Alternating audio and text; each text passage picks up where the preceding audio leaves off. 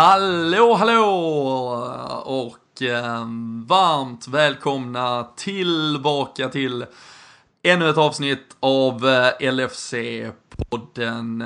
Det eh, har blivit måndag, det har väl eh, på något sätt således också blivit landslagsuppehåll, men eh, denna podden vågar såklart att vägra sådana eh, tramsigheter och eh, istället eh, samlar vi ju kraft för att eh, summera det som vi igår stängde igen som ett litet mellanspel från eh, senaste landslagsuppehållet. Det har ju varit eh, intensiva veckor, sju matcher.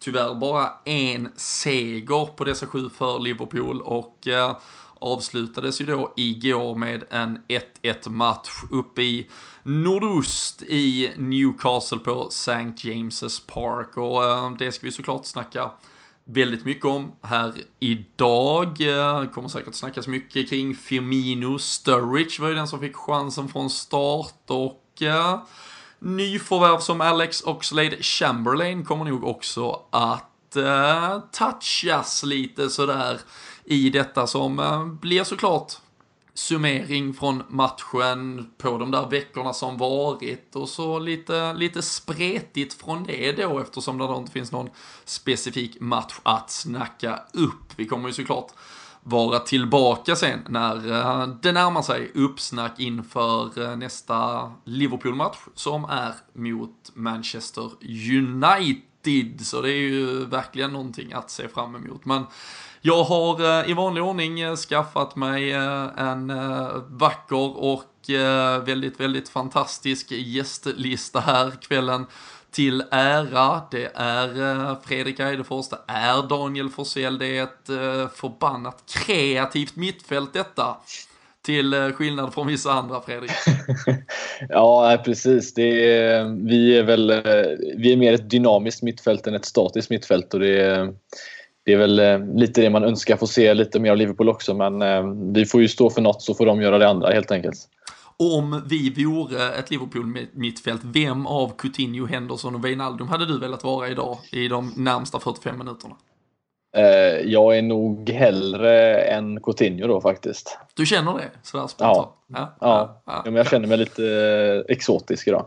Vill inte springa. men, men, han har för avsikt att ändå sätta ett rätt under ja, uh, Precis. Ja, snyggt. Danne, det är, ah, nu höll jag på att säga pest eller kolera, men om du då får kliva, kliva in i båt Jordan Henderson eller båt Gini Wijnaldum, vem, uh, var, var hakar du på? Henderson är i alla fall kapten så jag tar hans, eh, jag tar hans eh, tröja då. Så, så får bära binden i alla fall. De är 45. Ja, det kan ju bli oerhört okontrollerade och flummiga kommande 45 om jag ska axla en Wijnaldum-roll och försöka programleda detta. Men... Eh. Ett, ett väldigt lat program, programupplägg kommer det bli här nu ja. med tanke på att det kommer inte hända så mycket. Verkligen. Nej, det kan vara att jag håller mig undan både att prata, kommentera. Ja, det blir, ja, det blir spännande. Nej, så sagt, eh, och skämt åsido, men, eh, men vi ska säkerligen prata om Liverpools mittfält också idag. Eh, och eh, som vanligt så gör vi detta också tillsammans med LFC.nu. Det är ju våra vänner på den officiella svenska supporterklubben. En av Sveriges absolut största medlemsklubbar alla kategorier så har ni ett rött bultande hjärta, ni lyssnar på den här podden kontinuerligt så tycker jag verkligen att ni ska göra slag i sak och eh, pynta in en liten peng där för ett medlemskap. Man kan ju göra det i samband med att man köper en matchtröja eller något annat dessutom så får man eh, jävla bra paketpriser och eh, så får man ju lite, lite annat smått och gott i, i tillägg också. Eh, så in på lfc.nu, och eh, signa upp er. Eh, kan ju också passa på när man ändå är där inne och besöka Sam Dodds, eh, våra vänner som eh, säljer matchtröjor, schyssta t-shirts och allt möjligt annat. Och de är ju också med oss varje vecka på Twitter, så följer ni oss inte där så är det ju att LFC-podden som gäller och där kör vi ju tipstävlingar inför varje match tillsammans med dem och eh, vi kan ju skicka en passning till Kenneth Bengtsson också som eh, vann veckans tröja här mot Newcastle. En av vad var det Danne, två eller tre som hade tippat tre, ett, tre stycken. Tre, tre var det. Ett, ettor ja. fanns där i leken, men Kenneth var närmst med ett eh, någorlunda tidigt eh, sista mål då. De andra hade lite senare på urtavlan helt enkelt. Så snyggt av Kenneth där och som sagt LFC.nu, Sam Dodds, eh, det är där ni hittar våra, våra vänner ute eh, på intranätet. Eh, och eh, nej, Fredrik, den där matchen mot eh, Newcastle som eh, vi ska försöka ta oss igenom såklart eh, väldigt, väldigt mycket att eh, snacka om. Ett, eh, ett uppsnack såklart med en Rafa Benitez i, i den där, eller tränarrollen hos motståndarna. Lite Liverpool-bekanta ansikten i form av en John Joe Shelby, en Javier Manquillo. Och eh, vi åkte ju till St. James's också med med dålig statistik. Vi har ju, det är väl en 3-4 år sedan vi hade den där 6-0-segern från, som bara sköt ut från ingenstans, men annars såklart en tuff bortamatch. Ehm, Klopp valde ett ganska stummässigt intakt lag från Spartak-matchen. Det var en Joe Gomez som ersatte Alexander Arnold, en Mignolet som väldigt, väldigt givet då ersatte Karius. Gino Wijnaldum istället för Emre Can som som vi, vi ska diskutera, men som ändå kanske får ses som lite hugget som stucket. Men sen framförallt så gav han chansen till Daniel Sturridge längst fram istället för Roberto Firmino. Hur, eh, det har ju varit ett snack kring det här hela veckan, eh, mycket med lite grund i alla missade målchanser som stal mycket rubriker efter Spartak-matchen. Hur, eh, hur kände du kring att han tog det där bytet och, och på så sätt också ja, eh, splittade den där Fantastic Four som vi så länge hade längtat efter att få se. Eh, men vi, jag och Kalle pratade upp lite om det när vi, inför den här matchen när vi körde vår lilla duo där. Eh, och det var väl... Alltså, nu kommer vi inte härifrån med en vinst ändå och man hade hoppats att det hade blivit något form av resultat av det hela bytet så sett. Men jag tycker ändå det är, Jag är glad att Klopp gör det bytet för att det han pratar ju väldigt gott om, om Firmino och eh, det är väl inte så konstigt att han sen går ut och byter ut honom mot, mot Sturridge. Men jag tror att han ville ha just den här killerinstinkten där framme som han på något sätt ändå känner att Sturridge på rätt dag kan erbjuda. Så att jag gillar just det bytet och det gav ju inget resultat för att Sturridge var ju ja, han var inte den, den, bästa spelaren på planen i den matchen men eh, jag tycker jag har absolut inget problem med att det bytet eh, gjordes för att eh, någonting behövde förändras och eh, om det var någonting som skulle göras så tror jag det bytet var nog eh, det rätta inför den här matchen. Mm. Jag har ju själv skrivit en, eh, en krönika som tog ganska mycket utgångspunkt i detta. Jag har en ganska så uh, tydlig bild av vad jag själv tycker. Uh, Daniel, hur, uh, hur ställde du dig till bytet som gjordes? Att på något sätt. Det kan ju såklart vara en, en del av en rotation, men annars var det ju lite att Roberto Firmino fick på något sätt bära skuld för att det inte blev fler mål i Moskva, kändes det spontant som. Så är det ju. Vi, vi har ju såklart anledning att rotera nu när vi har fler matcher och sådär i år. Men tar man det spelare för spelare, om man bara jämför dem individuellt, så tycker jag det var helt felaktigt egentligen att byta ut Firmino i Dessutom den här typen av match där jag tycker att han... Eh, alltså man vet att vi inte kanske kommer vara 100% spelförande som om vi hade mött dem hemma på Anfield istället. Då hade jag förstått bytet mer, eh, tycker jag. För här tappar vi hela den här pressen som vi eh, ofta snackat så gott om. Den här defensiva jobbet som anfallarna gör. Och, och där bidrar ju faktiskt inte Daniel Sturridge med, med någonting egentligen. Sen är ju Eidefors inne på ett spår att rätt dag så har han ju verkligen en, en killerinstinkt som inte Firmino har. Men jag tycker det var länge sedan han hade rätt ha nu faktiskt. Jag vet inte om jag tycker att det är... Alltså ja, det, det borde någonstans vägas in liksom. Även om han nu... Alltså han är kanske lite för bra någonstans för att sitta på bänken. Alltså då kommer, han kommer behöva få spela, men jag tycker inte att det här kanske var rätt match. Eh, det är ju lätt att säga i efterhand, men jag tror att jag hade stått för det även innan matchen faktiskt. Mm. Nej, jag, jag, tycker ju det.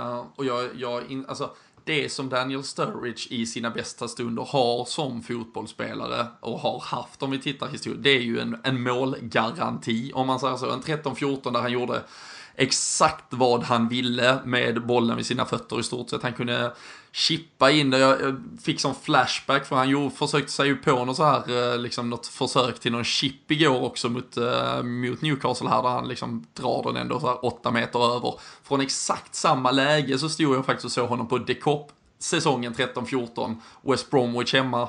Vi vann med 4-1, Sturridge gjorde ett hattrick.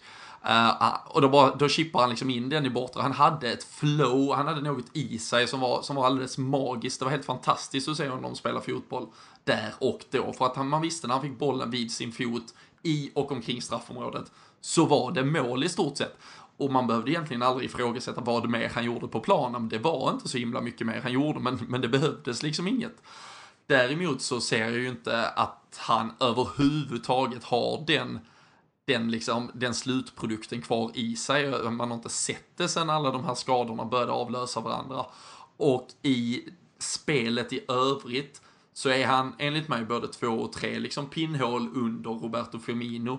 Och eh, jag skrev ju också efter Moskva-matchen att jag tyckte, till trots för att jag var förbannad över det där poängtappet, att så, bra, så mycket målchanser, alltså Moskva bytte för fan målvakt som skadade sig och båda två han ju bli liksom man of the match nummer ett och två liksom. De han ju plocka fem jävla superräddningar var. Vi spelar ju extremt bra fotboll. Vi skapar extremt mycket. Där och då tycker jag verkligen, igår skapar vi absolut fler chanser. än Newcastle bör säkert rättmätigt vinna, men, men jag tycker absolut inte vi är, spelar med samma flärd och liksom fantasi som, som vi gjorde där i Moskva. Jag tyckte vi stundtals spelade helt fantastiskt i Moskva och jag tyckte det var synd att Klopp, för det kändes lite som att han föll lite lätt på liksom medias press kring att det borde nog liksom göras något åt den här offensiven. Vi har liksom en defensiv som har varit liksom under all form av liksom, ja, kritik i, i evigheter och där har han liksom stått på sig vecka efter vecka sommar efter sommar, liksom transferfönster efter transferfönster och inte gjort något åt det. Men, men här tog det liksom 90, ja, ja, inte mållösa, vi gör ett i Moskva. Och sen så splittrar man kanske liksom det, det mest spännande offensiva hopkok vi har sett i Liverpool på, på jag vet inte hur många år med de här fyra spelarna. Och, och det tycker jag är riktigt synd. För eh, där känner jag att Daniel Sturridge inte spelmässigt över, över planen bidrar på samma sätt. Men alltså hur länge, när, när, var det senast vi såg, om vi håller oss just till det där med just det bytet anfallsmässigt, alltså när var det senast vi såg ett Liverpool pressa så att Firmino faktiskt gör någon nytta i sin press? För när, det känns som att vi verkligen är laid back när det kommer till pressspelet nu. Eh, när han ledde det där det där pressspelet eh, som vi liksom visade prov på förra säsongen där eh, och som vi inte har sett på väldigt länge nu känner jag. Det känns som att det, det försvinner det han är bäst på och det är just det här pressspelet och vinna tillbaka boll. Ja men, och där, men där tycker jag ju det, för, för tittar vi på och Det var därför jag tyckte bytet var okej okay, liksom, för mm. det känns som att vi har inte sett det så det känns ingen, om det ska bytas så ska det nästan göras nu på något sätt för att han gör ingen nytta med den pressspelet när det är ingen annan som hjälper till honom. Och Precis. då känns det som att det är mer rätt att sätta in en Sturridge på, om det ska ha någon gång, även fast jag förstår vad du menar, så tycker jag ändå att det är nu man ska byta det här bytet för att se om det gör något resultat. För att men problemet är, och det, jag tycker du, du är ju inne på rätt sak, men det är ju, för det är fortfarande, Roberto Firmino har ju fortfarande stått verkligen för sin del och han har ju löpt mest av ja. alla i Liverpool nu, eftersom han inte spelade hela matchen igår kan den statistiken ha, ha stuckit lite, det vet jag inte, men han har ju annars varit den som har verkligen löpt mest. Sen är det helt rätt att han inte har fått understödet, och det här har vi ju poängterat flera ja, vecka efter vecka att mittfältet har ju som helhet egentligen bara gjort den där Arsenal-matchen på liksom nivå som är godkänd eller liksom 3 plus. Alla andra matcher har vi haft ett direkt dåligt mittfält egentligen. Och det är samtidigt som jag, då kan, jag kan köpa att vi tappar hans liksom bidragande orsaker i den där första pressen. Men, men jag tyckte ändå det var liksom lite svagt av Jörgen Klopp att, att falla för, för den, det blev lite enkelt i att det här skulle vara så, för nu står vi istället med ännu fler frågor och liksom inga svar ändå. Daniel Sturridge var, ah, lam, bidrog inte riktigt över hela planen på något sätt alls. Får till och med ett friläge och då, då är han inte alls på hugget liksom och, och sätter inte dit den. Så, så jag vet inte vad vi, det känns inte som vi vann mycket på det här, Danne. Eh, varken tyvärr på förhand enligt, enligt mig. Då där förstår jag att man kan tycka olika men fram, absolut inte i efterhand. Nej, alltså håller vi oss bara till det här med pressen lite så tycker jag det har märkts väldigt tydligt att vi har varit av med Mané också eh, ett tag faktiskt. Han är väl den som kommer efter kanske Lalana nu som inte givetvis av förklarliga anledningar har spelat någonting den här säsongen är ju den som kanske hjälper Firmino mest tycker jag. Jag tycker att Salah gjorde det mycket i början men har droppat av lite. Eh, framförallt i, igår tyckte jag han var väldigt långt bak hela tiden i, när det kommer till den här offensiva pressen. Då. Men eh, som du är inne på, det är ju lätt att säga i efterhand att vi inte fick ut något. Men det är just det här läget som uppstår när Clark inte lyckas... Eh, jag vet inte vad han håller på med riktigt, men han lyckas inte få bort bollen. Han gör som, eh, som Mignolet gjorde mot Leicester ungefär och ger ett gratisläge till Sturridge. Och, ja, fan, Sätter han inte den, då, det är liksom det han, han är där för. Nu blir det ju bara ett läge, så det, det syns ju så extremt. Men eh, det är exakt det läget han ska sätta jämfört med Firmino, tycker jag, när han väl är på plan. Och sen är det inte lite Ja. För att bara säga just det med mål. Alltså, det är lite konstigt att en, jag tänker en anfallare som är sådär en, en notorisk målskytt i grund och botten som han ändå är och så har man liksom vad är det, de tre, tre senaste säsongerna som visst nu har varit skadad en hel del. Man har gjort 15 ligamål på de tre senaste säsongerna. Ja, Vilket, alltså, han, han, är inte, han är inte jättehet trots allt. Och det, jag kan tänka mig att hade han fått han hade nog satt det där läget om han hade liksom varit inne i ett flow och hade fått spela mer. Det är lite det som är så synd med att ha honom där. Att han är ingen supersub på det sättet som inte behöver massa chanser på sig känns det som nu för tiden i alla fall. Utan eh, han skulle behöva komma in lite i det, bli varm i kläderna och göra lite mål för att faktiskt kanske sätta de här chanserna som en av de andra toppklubbarnas anfallare hade satt liksom direkt. Då. Och det är väl lite det som är synd att han inte... Ja, det känns som att han är väldigt, eh, väldigt långt ifrån att vara den Sturridge han, han en gång var. Ja, och det, och det är ju bara att konstatera, alltså det hoppas jag ju att egentligen att Klopp också vet, för det, han är inte den, och med så mycket skador som han har haft så, så är det föga troligt att han någonsin blir det. Så om, om Jörgen Klopp redan någonstans, alltså återigen, det kan ju vara att han bara ville rotera en match, bababam, vi får se liksom. Men om man någonstans kände att nej, jag vill ge förtroendet till en en, liksom, en striker här. Jag vill ge förtroendet till någon som verkligen kan, kan vara min målskytt. Det, det, är inte Daniel Sturridge. Det kommer inte vara Daniel Sturridge den här säsongen. Tror han redan i liksom månadsskiftet september-oktober att Roberto Firmino inte kommer hålla och vara den där nummer nio spelaren som vi så gärna vill att han ska vara. Äh, då, det, det var lite dumt att inte komma på det tidigare tror jag. För det, det kommer inte lösa sig med Daniel Sturridge. Vi kommer inte kunna lita på honom. Dels kommer han mycket väl vara skadad igen om bara någon vecka och, och han är inte den där målgarantin. Jag tycker tyvärr också att både Salah och Mané, där får ni gärna säga vad ni tycker, men jag tycker att de gör sina sämsta matcher för hela säsongen igår dessutom. Så Absolut. där tappar vi dessutom också en dimension när vi byter in Daniel Sturridge. Mm, jo, men så är det. Absolut. det och som sagt, 28, 28 bast och den skadehistoriken. Det, det, är, alltså det, det är ju verkligen utför det har, har gått och det är det som är så tråkigt. För att eh, Han har haft en säsong egentligen där han var sådär superbra. Och visst, han kanske hjälptes av eh, av Suarez rätt mycket men han har ändå visat att han i, i, stora stunder är Englands bästa anfallare innan Harry Kane tog fart kan man säga. Då. Mm. Eh, och, eh, och det kommer aldrig hända. Så det kommer, han kommer aldrig visa liksom, det förtroendet för honom. Eh, jag är nästan säker på att han redan är borta nästa säsong. Så det, man, man vet nästan vad Klopp redan tänker. Alltså något som är rätt tråkigt med just Sturridge med för att kanske avsluta hans kapitel lite, det är ju att han är ju absolut ingen... Eh, alltså, han ändrar ju inte matchen om vi har honom som sparkapital på bänken och byter in honom efter 60-70 någonting, tycker inte jag. Utan precis som du var inne på Eidefors innan så behöver han...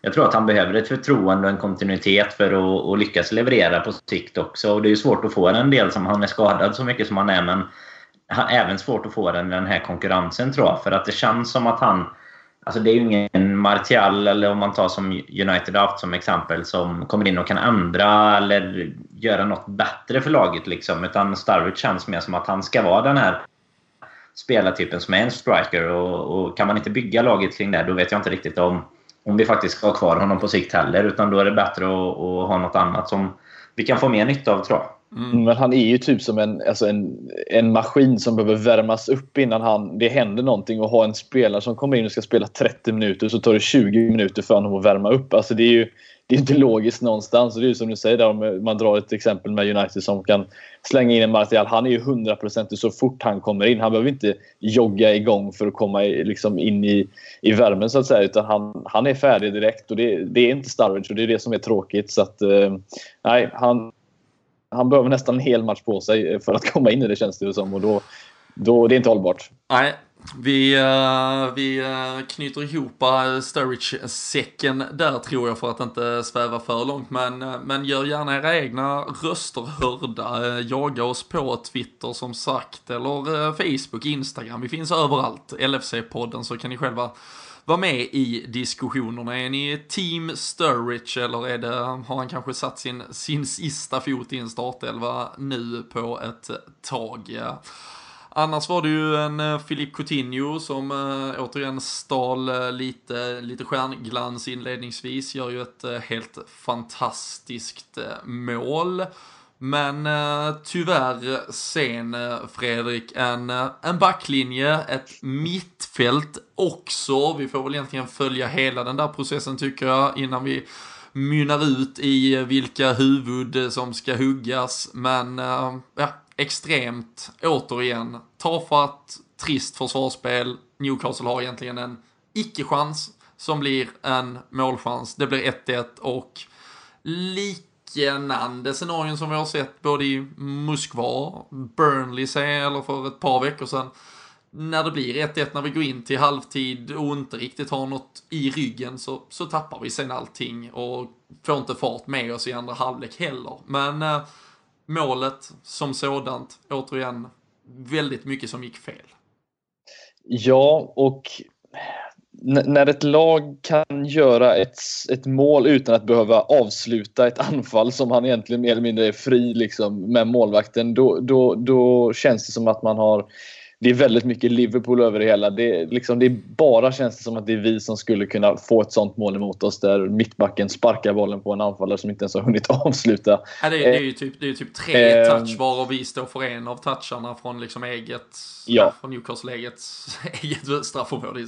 Ja, Men jag kan, jag kan inte låta bli på något sätt ändå känna att, att många skulle säkert säga att åh Matip har sån otur. Men jag skulle säga att han får fan med skylla sig själv när alltså, den situationen uppstår på grund av honom och Lovren tillsammans. Men alltså, står du på hälarna som en mittback när du ser att John Shelby får bollen som är en väldigt duktig passningsspelare, en av de bättre i Premier League till och med. Mm.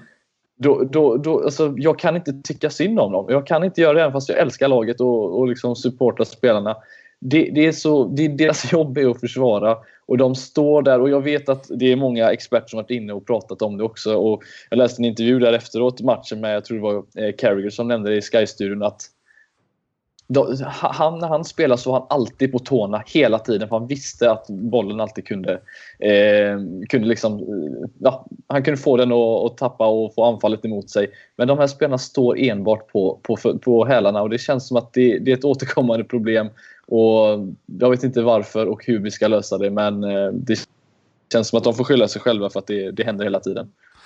Och jag var ju, eh, jag var ju också eh, ganska tidigt ute och, slängde en liten känga åt just Julma Tipp som, som jag, det, det tror jag vi har återkommit till lite då och då även i den här podden, att han såklart har kommit jävligt billigt undan i liksom, det är ju ganska lätt att vara liksom den där diamanten när alla andra är såna jävla kolhuvuden uh, eh, i ett uh, mittförsvar. Men, men det han presterar i den sekvensen är ju såklart under, under all kritik och, och frågan är väl liksom lite hur mycket, alltså, ja, hur mycket han egentligen gör saken bättre.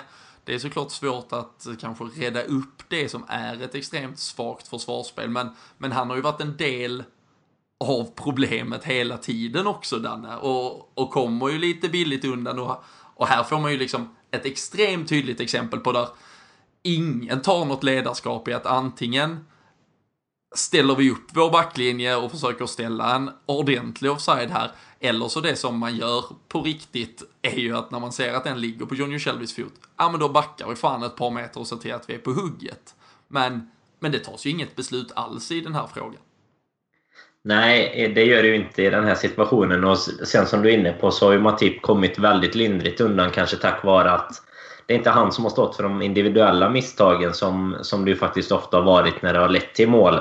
Nu tycker jag väl att eh, situationen isolerad med att han, eh, att han träffar Joselius Joselus eh, benskydd eller fot eller, eller vad det är för att han går in. Det tycker jag är, är kanske otur just där, men det är precis som vi pratade om här att det är ju inte, det är inte otur att situationen uppstår. Det är ju bara, det är bara värdelöst försvarsspel egentligen. Och vi kan ju repa upp våra tio senaste avsnitt känns det som och bara köra repeat på det gällande försvarsspelet. För det, det blir fan inte bättre och det är ju all kritik eh, till eh, Klopp och ledarstaben givetvis, men också till spelarna och inte kunna, kunna ta mer ansvar i sådana situationer. Jag menar, jag, jag håller med om många som, som ropar på Klopp och undrar vad, vad de håller på med och det givetvis ska de göra det också, men man kan ju inte spela på den här nivån och ha kommit till den här nivån utan att, att vara på tå och vara redo för vad som komma skall när en eh, alltså,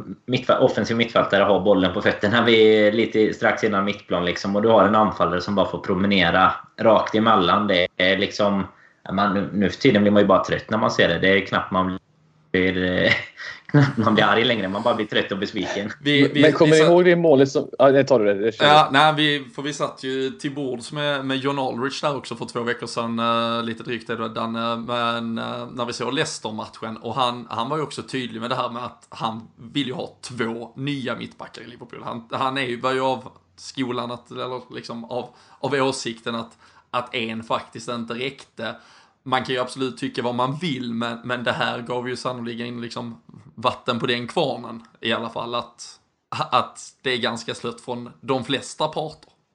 Ja, men så är det ju absolut. Jag är väl inte riktigt där än. Jag tror att Matip hade kunnat vara en bra, en bra mittback i Liverpool och, och kunna växa fram bra. Men han behöver en ledare jämte sig tror jag. Det är ingen av han och Lovren som är ledare eller något kaptensmaterial alls i. Liksom. Och där känner jag att han hade behövt en kapten jämte sig. Eh, och då det känns som att, att all, hade... alla räddar sig med den. När man, när man kritiserar Matip så är det alltid bara han får en ledare. Fy fan. Ja. Alltså, man vill ju se Matip höja sig hundra resor när han får en ledare bredvid sig.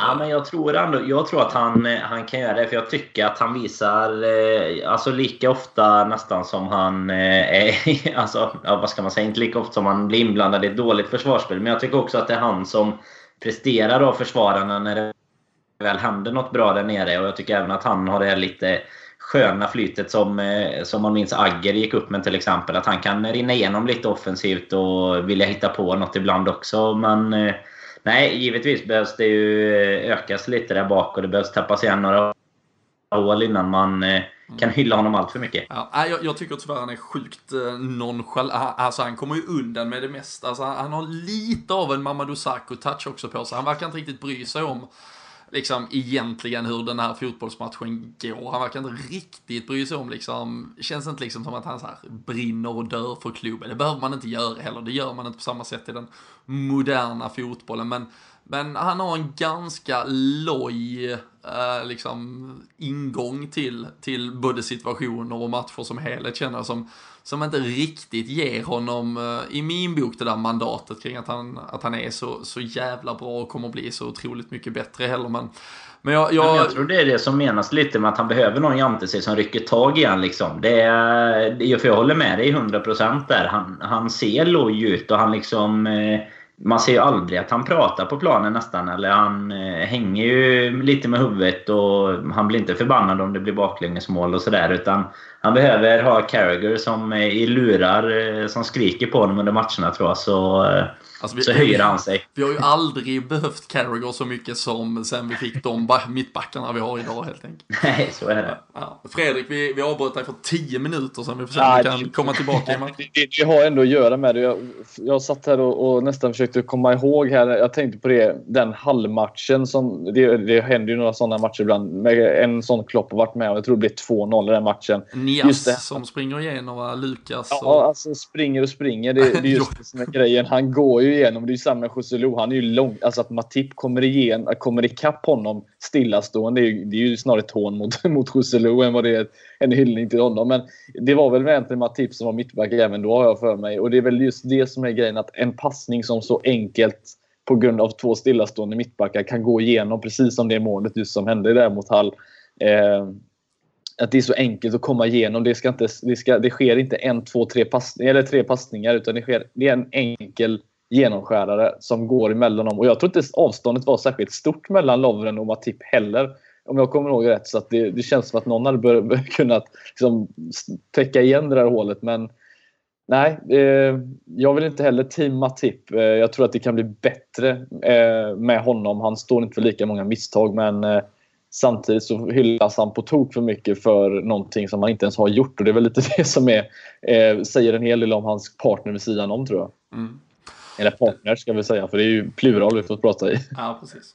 Det har, ju, det har ju också, kan man väl eh, konstatera lite, vi, vi, kommer, kan, vi kan ju prata lite mer generellt nu också, det har ju också svängt lite mer. Man vänder, märker att liksom vindarna vänder lite från att vi inledningsvis av säsongen så var det ju extremt fokuserat i, i alla former av liksom infallsvinklar på vårt försvarsspel som var så dåligt att vi inte värvade något i somras, att det fortfarande liksom ja, var, var samma gamla visa. Nu har ju liksom, jag ska inte säga majoritet, men absolut en, en större liksom samling fans börjat ändra lite approach till det hela och på något sätt jag vet inte, blivit likgiltiga till faktumet att ja, men vårt försvar är så katastrofalt dåligt så det är inte ens lönt vi pratar om det längre. Och nu istället så riktar man då fokus mot att vi gör för få mål. Det pratas liksom om att ja, men vi skapar ju så pass mycket så vi borde göra 5, 6 och 7 mål. L lite såklart fött av att Jörgen Klopp pratade i dessa termerna mm, i de första matcherna där vi såklart kanske borde ha gjort ett mål eller två till. Men hur, hur känner du kring det här Danne, att det nu har vänt lite och att vi liksom, vi ska bara acceptera vårt katastrofala försvarsspel och så ska vi skylla, som gårdagen till exempel, på anfallet? Jag har märkt också att det svänger ganska mycket i alla forum egentligen. Främst kanske på, på Twitter och Facebook och så där man eh, är med i diverse Liverpool-grupper och, och ser lite hur, hur det kommer mycket med det snacket nu. Men jag är väl fortfarande inne på att med ett eh, bättre försvar försvar så vinner vi de flesta av de här matcherna. Det, givetvis är det så att vi hade kunnat göra fler mål. Vi hade väl sex mål på 121 skott eh, inför inför denna matchen av de 121 senaste. Då. Det är klart att eh, det hoppas man ju ska bli bättre på de 121 kommande. Men eh, det tycker jag ändå att det ligger något i det Klopp pratar om. Att vi kommer att göra fler mål om vi bara fortsätter, fortsätter, fortsätter så. Men eh, däremot försvarsspelet, det kommer vi också släppa in eh, fler om vi fortsätter på samma sätt. Så jag tycker väl fortfarande att det är våran stora akilleshäl, eh, även om eh, givetvis vi behöver förbättra oss på fler fronter. Men försvaret är, är problemet, säger jag. Mm. Ja, jag, ja, jag, jag, jag, kommer, jag kommer också slå ett, slå ett slag för det alldeles strax. Men eh, Fredrik, eh, dina, dina känslor i i den här frågan om man då måste ta ett, eh, ta ett parti åt antingen det, det defensiva eller offensiva hållet. Alltså tyvärr är jag, skulle jag säga att Liverpools stora problem är ju, är ju kollektivet egentligen. Men eh, ska man bryta ner det så, så, tycker jag väl ändå att, att eh, av majoriteten av matcherna vi har spelat så är, det, så är det för att vi inte har gjort det där extra målet som jag ser det problemet. Förutom City-matchen möjligtvis då. Eh, och det kan jag tycka att anfallarna inte alltid, de får mest bevakning, de får mest markeringar och kommer inte alltid kunna göra mål. Och där hade jag velat, alltså, kunnat se att mittfältet hade steppat upp lite. Nu fick vi se Coutinho göra mål visserligen nu. Men eh, jag tycker att det känns som ett väldigt lojt mittfält och eh, händer inte särskilt mycket. Jag hade velat se någon annan sticka ut lite och bara ta det extra ansvaret och dra iväg ett skott eller fylla på i boxen som vi har pratat om tidigare. Och det, det känns som att vi inte riktigt får det nu. Så hade mittfältet varit tio nivåer högre än vad de är nu, vilket är fullt möjligt sett till kapaciteten som finns där. Så då hade vi nog suttit här med lite gladare miner tror jag. Mm. Du, eh, i, i liksom team försvar eller anfall så landar du i team mittfält eh, där helt, helt enkelt. Men, eh, nej men det, och det har vi ju verkligen, vi, vi nämnde ju det här i början, vi har pratat om det vecka in och vecka ut, känns det som att mittfältet saknar någonting, eller det saknas väldigt mycket egentligen. Det känns som ett väldigt intetsägande mittfält. Alltså Filip Coutinho har ju sin liksom, individuella briljans såklart, men vi har ju egentligen en Jordan Henderson, Emre Can och Gini Wijnaldum som som så här långt gör bland sina sämre liksom, perioder i Liverpool-tröjan.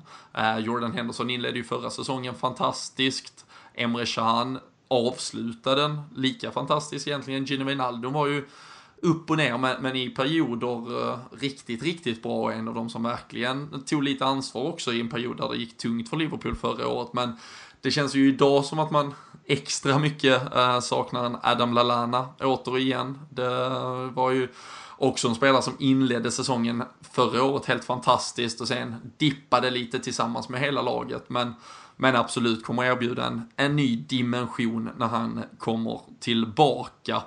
Sen eh, är jag ju däremot eh, ändå i, i huvudfrågan så att säga helt på, på den linje som Daniel är inne på inledningsvis här. för försvarsspelet är en, det, vi kommer att göra fler mål med den, med den typen av offensiv vi spelar. Framförallt om vi bygger vidare på det vi såg mot Spartak Moskva tycker jag, där alla de, de fyra stjärnorna så att säga fick chansen. Så, så kommer vi att, vi kommer skapa på den nivån så att vi kommer också att göra mål. Sen tycker jag det är frustrerande när allt för många kanske sitter och skriker efter en, ja men tänk om vi hade en Harry Kane, tänk om vi hade en Lukaku. Ja fast det som faktiskt är grejen är att räknar du bort deras mål från deras matcher med Tottenham, från deras matcher med United. Lukaku gjorde mål för United i helgen, absolut. Ja men Kane gjorde mål för Tottenham, absolut. Ja men du kan ta bort alla deras mål de vinner ändå sina matcher, för de håller nollan. United har släppt in två mål denna säsongen, City har släppt in två mål denna säsongen, Tottenham har släppt in fem mål visserligen, men fortfarande då ett väldigt försvarsstarkt. Vi har släppt in 12 mål denna säsongen. Så Vill bara Crystal Palace och något mer? Ja, det är West Ham och Crystal Palace som ja. har släppt in fler. Det är, alltså det är ju visst, det rann iväg mot City, så man får ju kanske liksom balansera den siffran, ta ner tre mål eller något så kanske det fortfarande är schysst. Men vi har, liksom, vi har ändå släppt in fler än alla i ja, topp 12 i så fall fortfarande. Och det är ju såklart inte den nivån vi ska ligga på försvarsmässigt. Det är inte, det är inte hållbart. Du kommer inte få in de här 6-7 målen som Klopp tycker att vi borde ha gjort. Så är fotbollen. Vi är ett lag som skapar så pass mycket chanser att mycket är också liksom halvchans. Det är ju liksom inte friläge från halva varenda gång som vi bränner. Utan liksom vi skapar det, liksom vi har tryck. En målvakt kommer också lite in the zone, alltså det gör de ju när de får plocka två, tre bollar. Det är ganska stor sannolikhet att de kanske plockar fyran och femman också. Sen sätter man dit den, man får hål, det är då man bör bryta ner dem, man gör mål. Men när vi varje gång dessutom måste släppa in ett jävla skitmål för att Ragnar Klavan tacklar Joel Matip mot Burnley, för att Loris Karius står på hälarna mot Spartak, för att våra mittbackar låter bollen rinna igenom sig mot Newcastle men då blir det ju en jävla uppförsbacke. Motståndaren är nöjd med poängen de har och de kan spela på ett, liksom på ett sätt som, som gör det svårare för oss att göra mål. Så jag, jag, jag, jag är fan frustrerad över det här snacket om att vårt anfall är så himla dåligt. Vi har gjort fjärde, liksom fjärde flest mål i ligan. Vi har gjort ett mål mindre än Tottenham som då har den här fantastiska Harry Kane längst fram som är så bra och gör sån skillnad. Och eh, ja, det, det, det är lite av en hjärtefråga för, för någon som är så här kritisk till vårt försvarsspel som jag är. Men, Men jag, jag, tycker ändå just det här med, som jag som tycker mittfältet är, är liksom ett av de stora, om inte nästan det största problemet. Det är just för att kollar man på många av de målen som har skett så är det ju på grund av alltså, eh, bollar som inte vinns på mittfältet. Vi vinner ju inte en enda mm. andra boll. Vi har ju anfallare eller mittfältare som står på hälarna när det kommer ett inkast. Jag tror vi har släppt in två mål de senaste liksom, tre veckorna på grund av att vårt mittfält har stått på hälarna. Alltså, vi, ett bra mittfält kan både assistera det extra målet och det kan även förhindra det där eh, extra målet som vi släpper in. Absolut, det är alltså, de sämsta spelarna vi har i truppen om man får vara brutalt ärlig. Det är ju försvaret, det är ju inte mittfältet och anfallet som är det stora problemet egentligen. Men hade det bara varit några nivåer bättre, bättre balanserat, då hade vi, alltså, vi hade legat så bättre mycket, alltså, vi hade legat mm. bättre till i både ligan. Vi hade kanske stått där med sex poäng i Champions League istället för två.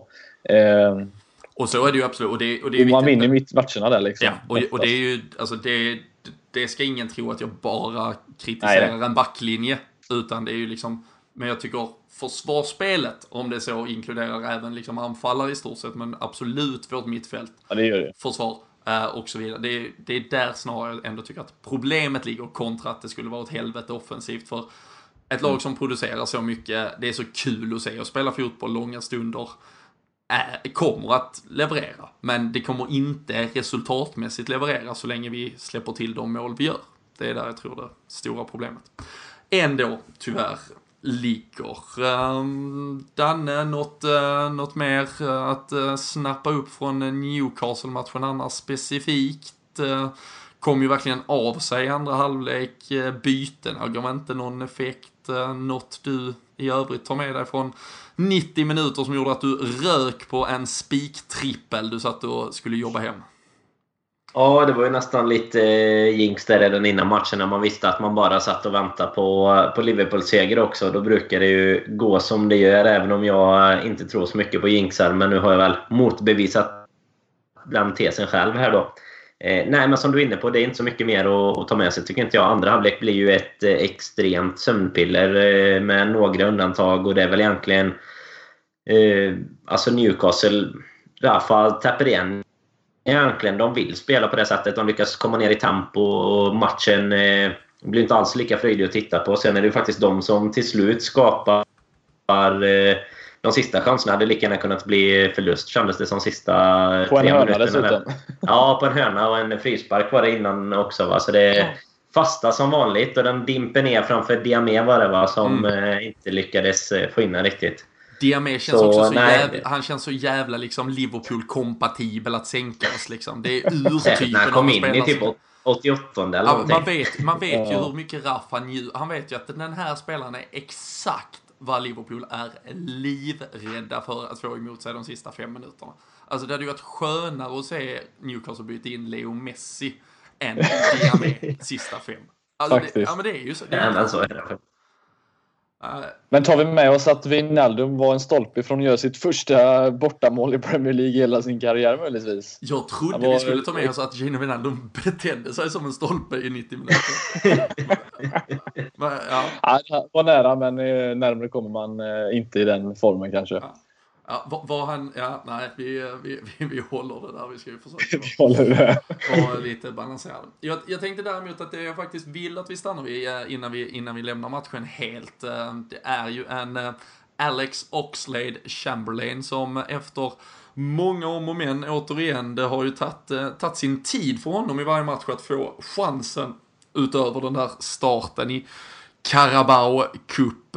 In i 84 minuten denna gången och eh, ersatte eh, Mohamed Salah. Eh, det var ju Salah och Mané bland annat som plockades av här under, under matchens gång. Det behöver vi inte stanna, stanna så länge vid. Men Oxlade här, eh, Fredrik. Vi, vi pratade ju om värvningen när den genomfördes eh, precis innan fönstret stängde på många sätt och vis kändes det ju som en, liksom, en bra truppvärvning. Men ska vi försöka liksom landa i vad det har, vad det har blivit av det här? För det, han är ju såklart bara sju matcher in i sin Liverpool-karriär här under det här, ja, den här perioden han varit där. Men eh, än så länge verkar det ju inte som att Klopp åtminstone har någon tanke och idé kring vad, vad han gör i klubben. Och eh, vi har ju trots allt pyntat upp liksom 400 miljoner för grabben.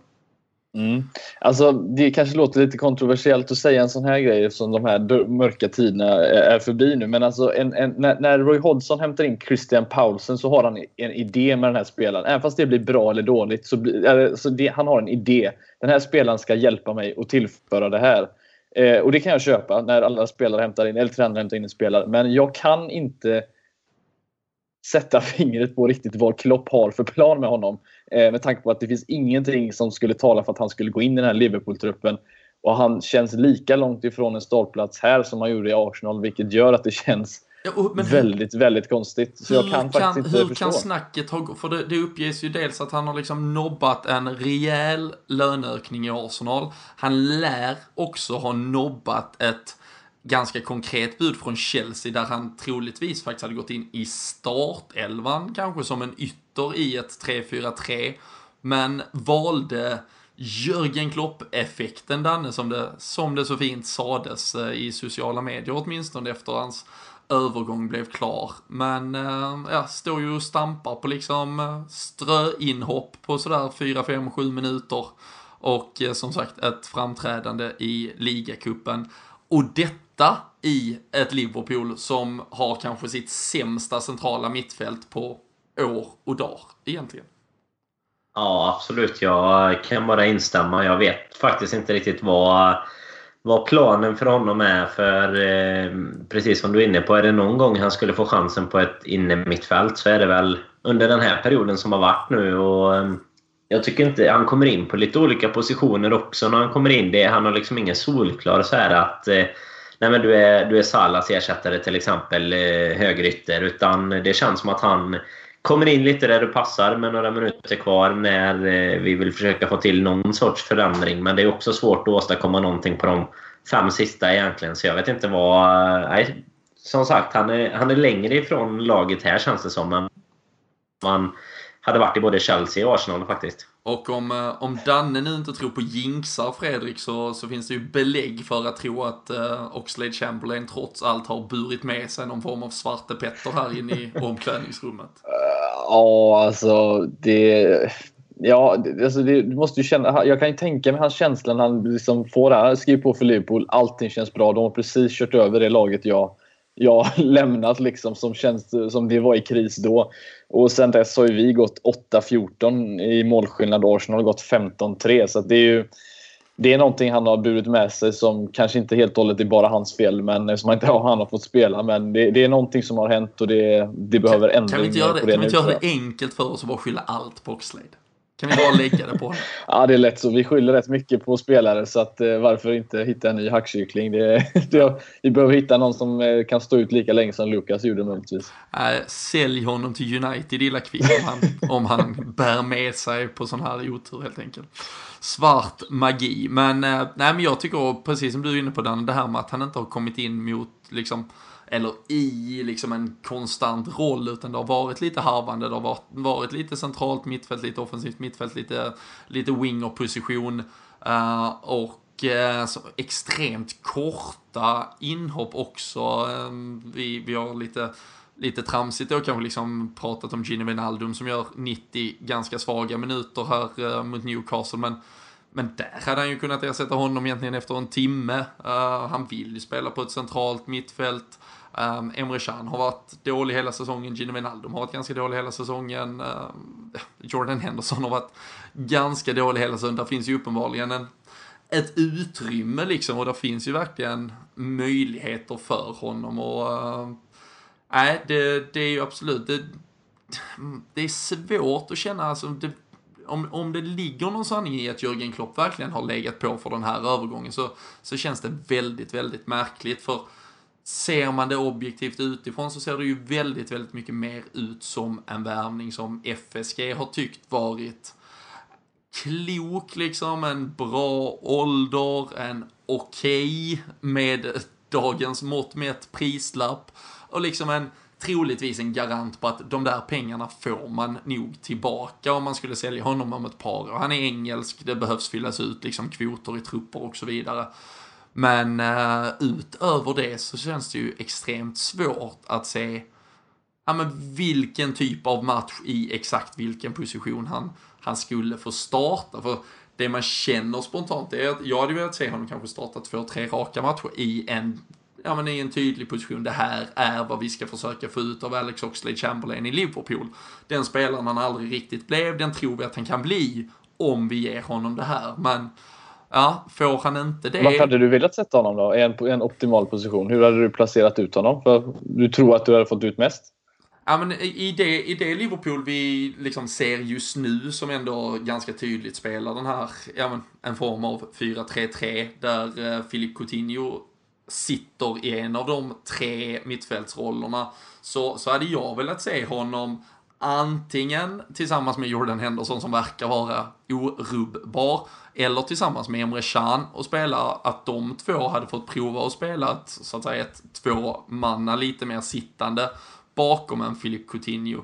Um, det är där han vill spela och jag tycker att man liksom någonstans ska ge honom i så fall den chansen. Alltså det bör ha varit det snacket som har gått för att få honom att lämna det projekt han varit en del av så länge liksom och inte fått någon uppväxling.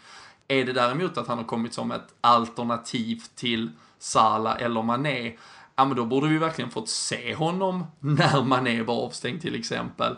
Um, det fick vi ju mot Leicester, men nu där roterar vi ju hela laget i, i kuppen. Um, och, eh, och där, där, där har han nått, alltså han ska ju spela i ett 4-2-3-1, alltså i ett tydligt, tydligt 4-2-3-1. Han har gjort det ganska bra för England. Men uh, jag hade velat se honom på ett mittfält, framförallt nu när det, när det har gått så dåligt. Mm. Thomas Lemar var ju mer en, en, en, rak ersättare eller ett komplement till de tre där framme. Eller ja, mm. de tre bakom anfallarna om man säger så. Då. Eh, så det är som du säger, att det är mer mittfältare. Det är mer traditionell yttermittfältare i ett 4-4-2 än vad han är en innermittfältare i ett 4-2-3-1 alltså eller liknande. Så han känns ju mer som en, en sån som ska springa upp och ner och göra sin gubbe på kanten och slå ett inlägg än vad han känns som en Salah Mané som ska utmana och in i boxen och, och hålla på. Så att, eh, det, det känns konstigt. Det finns ingen konkret eh, liksom, tanke känns som på vad han ska vara. Och det, hoppas att han eh, hittar, att det hittas snart för att han har ju ändå energin och styrkan och, och, snabbheten så det känns som att han kan tillföra någonting på mittfältet som exempelvis Wijnaldum inte gör just nu. Och det, jag tycker definitivt att det hade varit värt att, att, att se ett test för att eh, det kan inte se lojare ut än vad det gör just nu på mittfältet. Nej. Danne, eh, landslagsuppehåll nu. Hur, hur smälter vi det i två veckor innan det är dags för Manchester United hemma på Anfield? Ja, det är ju inte favorittiden på året direkt. Eh, de här landslagsuppehållen eh, i mina ögon. Det, nej, jag vet inte hur man ska sörja nu efter en vinst på sju och så landslagsuppehåll på det. Det, det blir fan inte mycket värre än så. Men det är tur det kommer tillbaks med ett eh, en rivstart mot United. Så då, jag är redan lite optimistisk ska jag avslöja. Så eh, tips, eh, tipset kommer ju inte där. där ligger redan en liten 3-0 och väntar.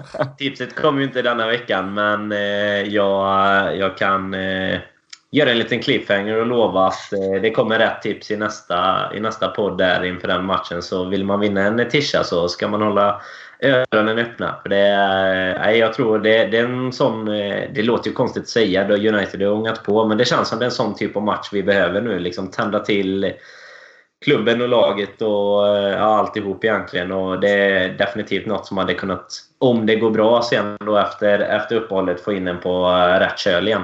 Nu får du en sån här... Eh, sig bara för det. Bara för jag säger det nu. får du en sån här 09-10-känsla som vi gick in mot United där vi hade världens piss-statistik och sämsta start på säsongen där och så går vi in och så, och så kör vi en 2-0 mot dem. Eh, med en GOG eh, i, i farten. Det och känns som att det... Peperena första man fram och firar. det är det man minns mest från den matchen faktiskt. Att han är först fram och firar. Ja, det Alltså. Han har varit det tidigare, men det är sjukt imponerande. Men det, det, det har också på något sätt en sån känsla, utan att säga för mycket, att eh, United kommer in där som, de var väl mer eller mindre lika, ja de var ju betydligt större då visserligen, men de är ju i grymt bra form nu. Men det känns som att något sånt skulle inte förvåna mig om det händer sett till hur det har sett ut för oss den senaste tiden. Jag, jag älskar hur skev den här podden är med 52 ja. minuters totalsågning av alla inblandade i vår verksamhet. Men vi har en god feeling att vi kommer att slå United som att... Man leder ligan. Vi vet ju att det är sådana här grejer som händer när man håller på Liverpool. Man sitter och grämer sig över att man liksom inte kan få hål på Newcastle en extra gång där och vinna med 2-1 som alla andra lagen gör. Men så går man och tvålar dit United med 3-0 säkert. Det, alltså, det hade inte förvånat mig om det hade hänt. Det är det som är så sjukt. Absolut. Själv äh, åker jag faktiskt till Amsterdam för att specialstudera Gini Wijnaldum på plats när Sverige ska försöka säkra en äh, VM-biljett eller någon form av playoff i alla fall. Så jag ska, jag ska studera hans äh, lyktstolpemönster. Tror du han spelar alltså?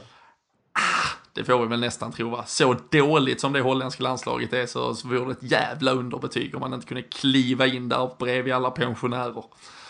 Men, alltså är det något äh, sätt man ska spendera landslagsuppehållet på så får väl det vara, vara, förutom att deppa ihop totalt, så får väl det vara steg två faktiskt. Åka till Amsterdam och följa landslaget. Det låter...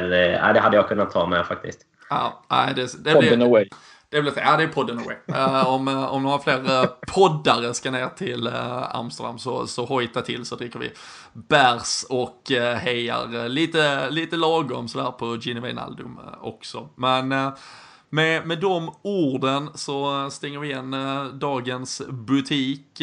Tackar er alla som lyssnar där ute. Tycker ni att det här är en rätt jävla bra podd så uh, se till att betygsätta den på iTunes, uh, gilla oss på Facebook, följ oss på Twitter, uh, häng med på Instagram, uh, det dyker alltid upp lite roliga grejer i alla våra kanaler så, så håll utkik. Och som sagt, vi är tillbaka igen om en vecka. Då snackar vi upp det där mötet med Manchester United som stundar efter uppehållet och Daniel Forsell har ju lovat ett eh, jävla guldtips också, så bränn inte hela lönen nu, utan håll eh, ett par hundringar inför eh, Dannes supertips där mot United, så mm, kan det bli en extra, extra boost lagom tills dess helt enkelt. Men tack för att ni har lyssnat och ha en fortsatt fantastisk